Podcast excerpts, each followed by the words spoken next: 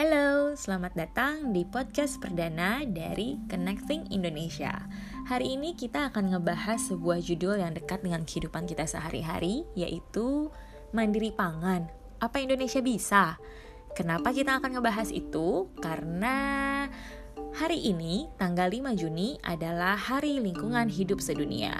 Tapi kalau kita ngomongin hal-hal yang berbau tentang dunia, itu rasanya berat banget ya. Rasanya uh, besar banget gitu lingkupnya. Nah, makanya saya Sarah Mandagi saya mencoba untuk uh, memperkecil itu supaya bisa lebih praktikal, supaya bisa lebih kita lakukan dalam kehidupan kita sehari-hari, dalam kehidupan uh, di mana pun di di perkotaan, di pedesaan, di mana pun.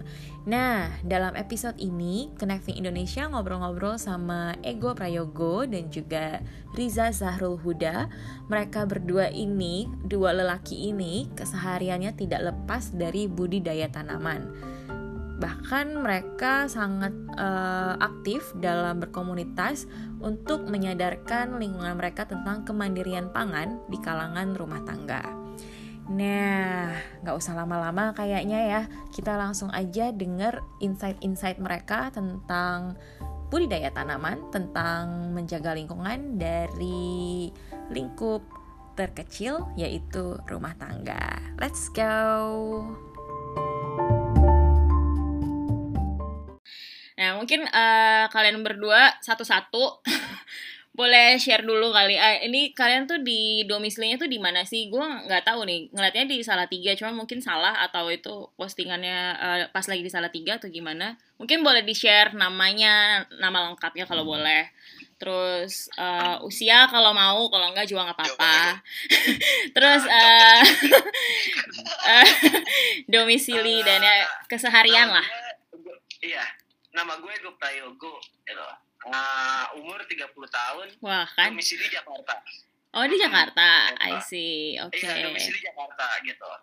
Okay. Terus uh, kalau keseharian sih sebenarnya gue nggak setiap hari ada di kebun gitu ya. Hmm. Kayak gue bertani segala macam, tapi setidaknya setiap seminggu sekali gue lari ke hutan, ke kebun gitu. Gue kayak uh, bertanam terus kayak setidaknya melakukan aktivitas di luar pekerjaan gue kayak gitu. Emang di Jakarta masih ada kebun? Kenapa? Emang di Jakarta masih ada kebun? Enggak, uh, kita ke ke daerah Bogor. Oh, gitu. karena, I see. Uh, karena kebetulan di sana kita pun punya shelter shelter sendiri di Bogor gitu hmm. gitu. Cuman kalau di Jakarta sendiri sih kita sedikit sedikit bikin yang namanya cagar pangan Oke. Okay. Gitu. Jadi kita tuh siapa sih kita itu cagar pangan maksudnya tadi. Kita punya shelter di Bogor. Ya, kalau yang di Bogor itu kebetulan memang fokusnya untuk kopi di sana gitu. Okay. Kopi dan ah untuk penanaman penanaman pohon endemik di sana kayak gitu di Bogor, wilayah Bogor gitu. Karena memang uh, pada kenyataannya setiap hujan gitu kan, mm -hmm. itu Jakarta sangat tenang gitu. Nah, kita sebagai kita sama teman-teman di sini gimana caranya untuk ya setidaknya sedikit sadar uh, banyak sadar lah gitu. Ya, jangan sedikit ya. Gimana caranya ya udah kita menanam lah di daerah Bogor gitu karena emang daerah resapan air terbesar itu ada di iya. Bogor yeah. di sana gitu. Oke, okay, okay, Buat ngikat okay, air ya. Iya. Lu berdua di Bogor, di Bogor ini domisilinya atau? Enggak, kalau aku domisili Jakarta. Eh, di Jakarta, setiap... ininya di Bogor. Kalau tapi setiap seminggu sekali aku ke Bogor kayak I gitu. See, I see, I see. Kalau udah Oh ya. Uh, perkenalkan nama saya Riza Zaruluda. Hai. terus terus usia usia tadi soalnya ya, dia nyebutin usia biar adil lu juga nyebutin ya. hmm. Umur 20 tahun terus domisili di Boyolali. Boyolali itu Jawa Tengah ya? Terus ya keseharian ya Jawa Tengah. Di uh, Merapi sama Merbabu sih. Oke oke oke oke oke oke. Oke. Kalau keseharian dan keseharian ya habis lulus sekolah kan saya kelulusan 18 mm -hmm. SMK di Solo mm -hmm. terus ya sedikit kuliah terus gak lancar Mm-mm. memutuskan untuk berhenti saja Oke. Berhenti dulu Terus mungkin awal- siapa tahu awal- bisa diterusin siapa tahu. Terus terus. Iya. Terus pertama seneng sama tanaman itu waktu di Selo sih di lereng selatan Gunung Merbabu. Oke. Oke. Awal awal suka sama tanaman pertama di situ. Terus kedua ketemu sama Kang Megan ya bisa jadi Kang Megan salah satu guru juga buat apa ya penanaman lah buat eh, terus ini di rumah ini di rumah saya menanam menanam eh, apa sayur mayur untuk Ih, ya sedikit sedikit lah buat buat apa ya gak bisa ngomong Jo aku. Kebutuhan. Buat kebutuhan rumah tangga Iya. gitu buat ya cadangan makanan lah buat itu bagus lah sebenarnya. keperluan pribadi Iya, karena emang kayaknya harusnya bisa kemandirian gitu. pangan Iya.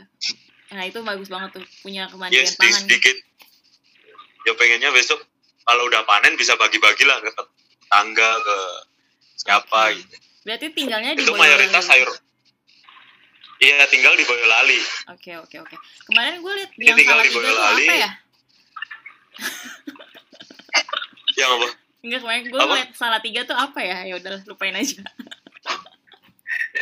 oh yang di Postingan doang kali ya. yang, ya di jalan Yang salah yang di tiga salah yang tiga salah itu tiga. kan cagar pangan oh. ya itu buat buat apa ya Oh. ya buat apa mas Iko buat apa mas jadi gini Eh. eh, kita kebetulan punya tem eh, kita di kebetulan di, di Salatiga tuh punya teman-teman gitu yang Mm, nama tempatnya di sana cagar pangan cagar pangan itu dibentuk upaya dalam upaya untuk memenuhi kebutuhan rumah tangga sehari-hari. Jadi kan terkadang tuh masyarakat desa untuk memenuhi kebutuhannya mereka selalu untuk beli gitu. Mm-mm. bahkan di kota-kota Jakarta pun untuk itu selalu beli tapi dan kita pun nggak tahu uh, kesehatannya itu seperti apa gitu kan. Kita juga uh, kayak yang namanya sayur mayur terus kayak buah-buahan segala macam. Kita kita nggak tahu tuh ini asalnya dari mana gitu Hmm, hmm, terus uh, perlakuannya di kebun itu seperti mana dengan cagar pangan itu sendiri biar kita tahu gitu oh uh, ternyata uh, setiap manusia itu memproduksi yang namanya makanan gitu dan itu eh, lebih sehat kayak gitu aja sih Ya. sebenarnya gitu. Aku di Jakarta, di Jakarta sama teman-teman anak muda di sini seperti itu gitu. Jadi kayak Keren, keren. kita untuk memenuhi kebutuhan sehari-hari eh, kita nanam yang namanya kangkung, yang namanya bayam atau cabe segala macam gitu itu untuk memenuhi kebutuhan sehari-hari. Yang ada yang kita tanam itu itu yang kita makan kayak gitu. Oke. Ntar gue Gitu. nanya-nanya di akhir ya, cara nanamnya gimana. Walaupun jumlahnya nggak, walaupun jumlahnya dalam nggak banyak gitu Iya, ya, iya, dalam iya, iya. hanya skala kecil hanya untuk memenuhi kebutuhan Iya, sehari-hari aja kayak gitu. Tapi minimal bisa mandiri secara rumah tangga gitu ya Iya. istilahnya ya. Iya. I see, I see, I see. Keren, keren, keren, keren. Eh, berarti dan kalian itu semuanya itu eh, eh, apa ya nggak ada unsur kimia yang di dalam oh semuanya organik. Organik, Iya. ya. Berarti kalian kenal Jadi, satu sama lain gara-gara cagar pangan. Kenapa? Kalian kenal satu sama lain karena komunitas cagar pangan itu. Iya, Oh, iya sih. Seben- kita sebenarnya deket dulu awalnya di kopi kayak gitu. Kebetulan oke. saya punya uh, bi- uh, ada sedikit bisnis di kopi gitu kan. Nah dari kopi itu lama-lama merambat dari kopi itu kita sadar Hmm. gimana caranya untuk uh, menyelamatkan lingkungan kayak gitu. Hmm. Kayak kita uh, menanam segala macam kayak gitu. Dan kita terhubung sama teman-teman komunitas-komunitas yang ada di Jawa kayak gitu. Oke. Nah, dari kopi itu sendiri kita pengen kayaknya lebih baik nih mandiri pangan nih seperti apa kayak gitu. Nah, kebetulan contoh besarnya gitu kayak uh, master plan besar itu ada di uh, cagar pangan di so, di Sal- Salatiga sana kayak gitu. Oke. Gitu.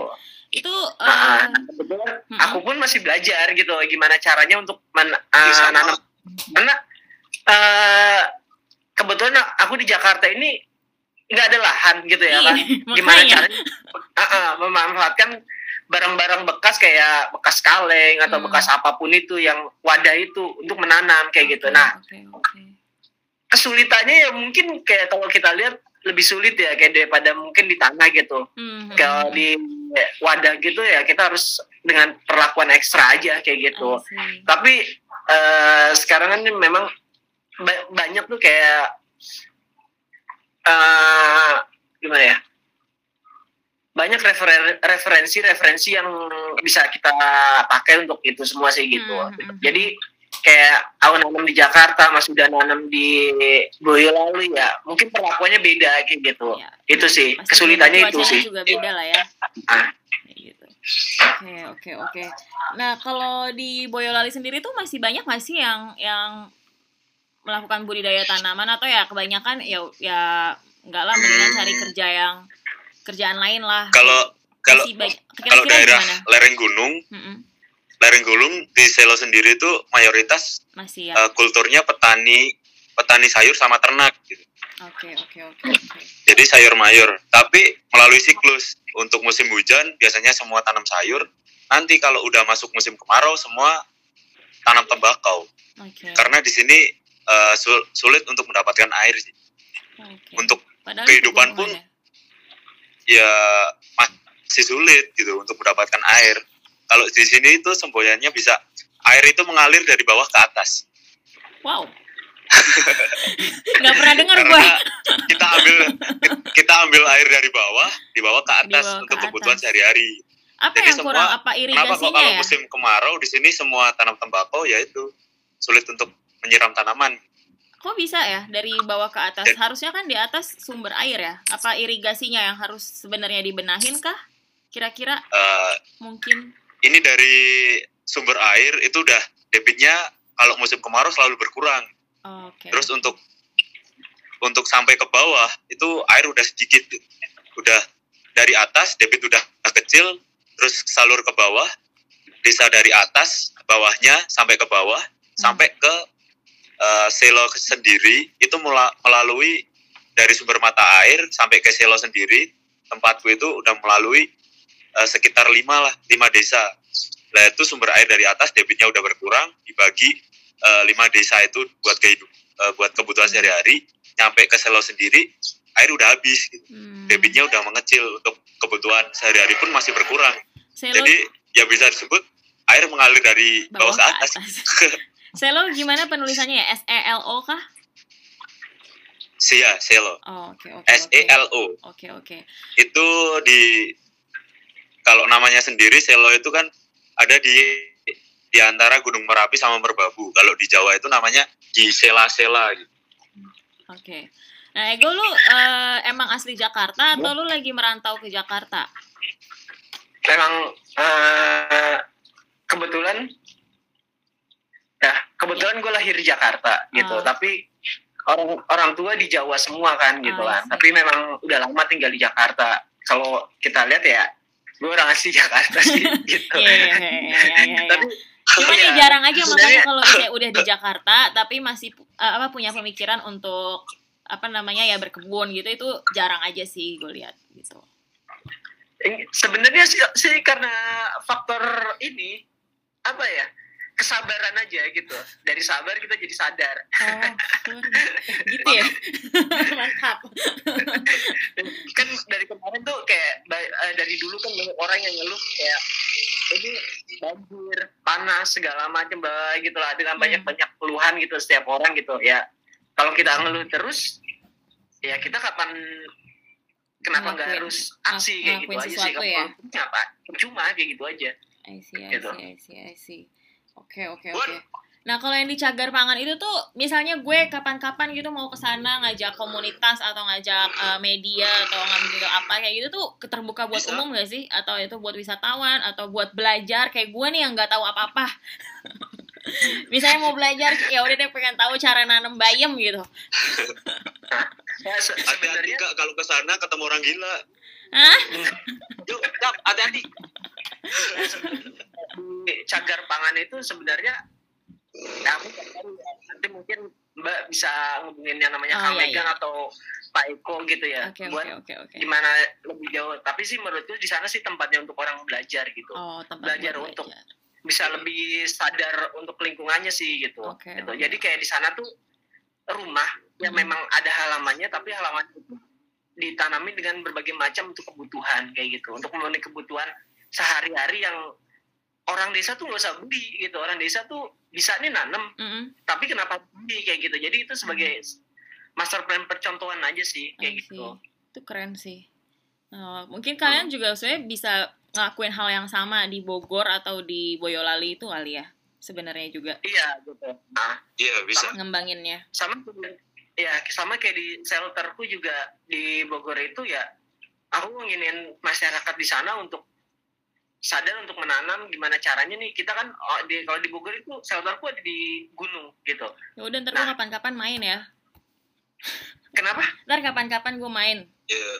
oke boleh Itu boleh mas Go. jadi shelter itu ada di atas gunung gitu dan warga warga sana ketika eh, untuk memenuhi kebutuhan sehari harinya mereka harus turun ke bawah dan turun ke bawah itu bisa memakan waktu 4 sampai lima jam gitu nah eh, aku ngambil ininya kes- eh, mengangkat kesadarannya kepada orang sana ini kita orang yang ada di gunung mm-mm. kenapa kita harus gitu. Sedangkan kita bisa memproduksi sendiri. Nah di shelterku sendiri itu eh, mulai dari bulan kemarin itu udah mulai memproduksi ya namanya pangan sendiri gitu. Jadi kesadaran pangan untuk eh, para petani-petani kopi di sana gitu. Jadi apa pun yang mereka konsumsi itu ya mereka sendiri ya? beli kayak gitu Oke oke oke. gitu sih Di, di di di mananya sih di Bogor ya? di Bogornya itu di belakang Sentul Oh belakang Sentul. Oke oke Nah. oke. gitu. Nah sekarang gue mau Nah, tanya kalau- apa? iya Nah, kalau lagi musim hujan gini, akses jalan ke sana sih yang memang sulit gitu. Iya Kita sih, kalau pasti. pakai motor aja bisa 6 jam. Gitu. Jauh ya Aku aja belum masuk sana. Bogor. Sampean malah. Oh iya. Ntar kalau gue ke Boyolali gue main juga ya. Oh iya, siap dong. Iya iya. Serius soalnya kapan ya? Kayak dua tahun lalu gue ke Alam Posong tahu gak? Kenapa? Alam Posong. Alam Posong Wonosobo. Wah, kurang tahu deh itu. Ya pokoknya Kalau situ deh. sekitaran lereng Sumbing apa Iya iya, Sumbing Sumbing Sumbing. Hmm. Oh di Sumbing. Ya ya ya. Itu juga banyak kopi sih. Makanya tadi pas lo bilang kopi, ya sih gue bisa ngebayangin emang apa namanya kopi itu komoditas yang di mana-mana banget gitu. Di ke Medan ada kopi, di Iya. Jawa mana ada kopi, ke Makassar Toraja ada kopi. Eh, nah, sekarang gue mau nanya nih eh, berkaitan dengan dunia teknologi sekarang kali ya. Sekarang kan ada Tani Hub, Sayur Box segala macem gitu kan. Apa namanya aplikasi-aplikasi Iya. yang sebenarnya memutus rantai eh, distribusi gitu kan supaya dari dari penanamnya sampai ke customer sampai ke end customer tuh lebih cepat dan memotong ya itulah semua yang di tengah-tengah itu. Menurut kalian itu gimana? Eh, apakah emang itu Banggo. membantu Bisa atau gimana pendapat Bi- kalian tentang itu? bisa dibilang itu direct trade gak, Bagu? Ya. Direct trade, really? Kenapa? Sebenarnya gini, eh, kalau pola gitu ya, kayak aku udah ngelihat hal kayak gitu. Jadi Hmm, ki- eh, kita pun terkadang di lapangan itu butuh ya namanya eh, tengkulak gitu, tanpa Oke. memotong arus eh, apa nih? ya rantai distribusi itu ya. tanpa- Distribusi. tanpa- Ah, tanpa memotong langsung harus distribusi gitu. Hmm. Bahkan terkadang ketika aku di ranah di industri kopi, Mm-mm. aku tuh butuh tengkulak buat itu kayak gitu. Kenapa? Jadi Aku juga tengkulak mas. kenapa? Kenapa? Ini kan gue nih Aku awam nih, gue bener-bener nggak tahu dunia Tengkulak itu. Jadi mungkin lo bisa kasih kenapa kok kan kalau di pikiran gue, oh bagus dong jadinya eh, nggak emang nggak nggak perlu tengkulak. Nah kenapa lo bilang perlu tengkulak? Gue eh, clueless tentang itu. Boleh di share gak? Ah gini. Jadi kenapa kita butuh tengkulak? Jadi gini. Ya. Ah, tempat-tempat yang memang terpencil gitu. Mm-mm. Tempat-tempat yang memang terpencil. Mereka butuh tangan lagi untuk distribusi. Misal, misal, aku sebagai seorang pengepul, aku nggak mungkin langsung ngambil langsung ke petaninya gitu. Hmm. Nah, di situ aku eh, aku pasti eh, di situ pasti aku memerlukan jasa yang namanya tengkulak gitu. Nggak semua orang. Iya, jadi kan kebanyakan tuh tengkulak itu dalam em, banyak pandangan itu dibilang konotasi konotasinya negatif, Iya. banget. gitu. uh-uh. Yep. Kesannya. Konotasinya ini gimana gimana gimana dengan keadaan lapangan yang memang eh, desa-desa penghasilnya itu jauh-jauh dari tempatku berada sekarang dari seorang produ- produsennya kayak gitu.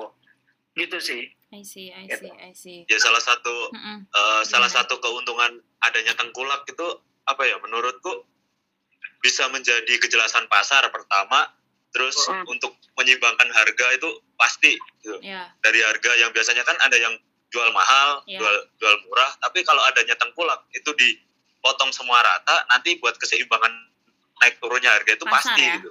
untuk Iya, jadi nggak harga pasar. Terlalu jomplang, terlalu tinggi, terlalu turun gitu. Oke, oke. Terus dari oke. kuantitinya kan kalau sekalian pembeli datang langsung kalau eh, datang langsung ke petani kan biasanya kuantiti petani yang dari apa dari yang lain itu kan sedikit. Biasanya kalau ada pembeli pembeli datang ambilnya banyak, adanya tengkulak itu diperlukan di situ. Jadi kuantiti udah banyak langsung kesalurin ke pembeli gitu. Oke. Biasanya kalau dari petani kan sedikit-sedikit Mm-mm. dari petani A, B, C itu store ke tengkulak dikit-dikit langsung beli ke petani banyak. Ya, ya, ya, ya, ya. Jadi emang Jadi- sebenarnya perlu ya. Jadi untungnya untungnya ada tengkulak. Iya, jadi gini. Jadi eh, kenapa kita juga harus mem- eh, kita juga butuh yang namanya tengkulak gitu. Hmm, hmm. Nah, jadi petani itu nggak usah repot-repot yang namanya untuk nganterin produk dia langsung ke eh, produsen. Pembeli. Iya, langsung ke pembeli kayak gitu. Misalnya aku si Iya, pengepul besarnya nih. Mhm. Ah, pengepul besarnya misalnya kayak aku si sayur gok gitu. Hmm. Toh nggak usah repot-repot si petani itu langsung ngirimin ke yang ke tempatku gitu. Dia juga ada perantaranya. Ah, ini yang saya kasih tengkulak. Dari tengkulak itu, aku hubungan kerjasamanya sama tengkulak gitu Hmm. tapi aku juga harus punya akses langsung ke petani supaya untuk gimana caranya biar produk di petani itu bagus kayak gitu. Hmm, Oke, oke, oke, oke, oke. Betul. Tapi eh, keberadaan aplikasi-aplikasi ini ini kan nggak mungkin mereka menghilang, justru pasti akan semakin banyak dan akan semakin apa ya? Iya akan semakin banyak lah gitu kan, makin gencar gitu.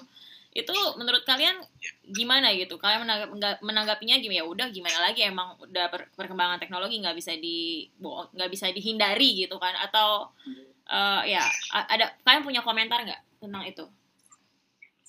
Kalau yang namanya aplikasi gitu menurutku bagus. Aku aku pun juga lagi sama teman-teman di Jakarta lagi bikin salah satu aplikasi seperti itu gitu. Tapi ranahnya lebih ke pada kopi, Kopi, ya? gitu. Jadi kita juga pengen jadi pengen eh, teman-teman di industri kopi ini tahu gitu loh gimana gimana cara gimana caranya untuk mengakses eh, bahan baku yang lebih gampang kayak gitu aja sih gitu. Oke. Nah, menurutku sih sah-sah aja. Bahkan Sah-sah lebih makin bagus malah, makin banyak yang kayak gitu. Jadi orang juga nggak usah repot di repot-repot yang harus nyari bahan yang kayak gini, kayak gini. Semua kan udah ada semua aspeknya di situ kayak gitu.